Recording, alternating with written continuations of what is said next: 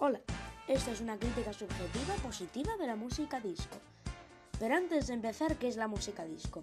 La música disco es un género musical muy famoso, nacido en los años a finales de los años 60.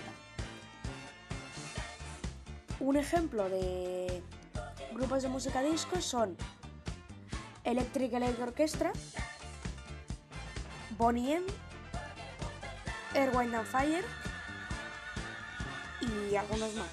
Ahora os iré poniendo algunas canciones para aquí, para que las estéis escuchando mientras. A ver qué os parece.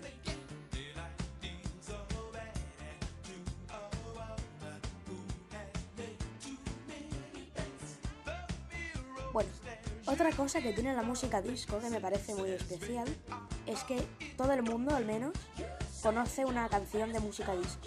Aunque penséis que no, aunque os parezca un género de música que nos gusta mucho, seguro, estoy segurísima de que hay una canción que os suena. Escucháis la melodía y decís, esta canción me suena. Y ahora voy a poner un par de ejemplos.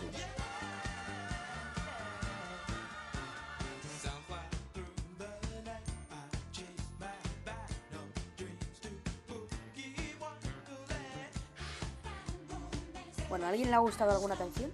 Si le ha gustado, dirigiros a Mark, que se sienta en la tercera fila, empezando desde la izquierda, y la segunda empezando desde la... Sí, creo que me sienta. Bueno, pues decírselo a Mark, que es el que ha hecho el podcast. Si tenéis alguna queja, pues decírselo a Mark.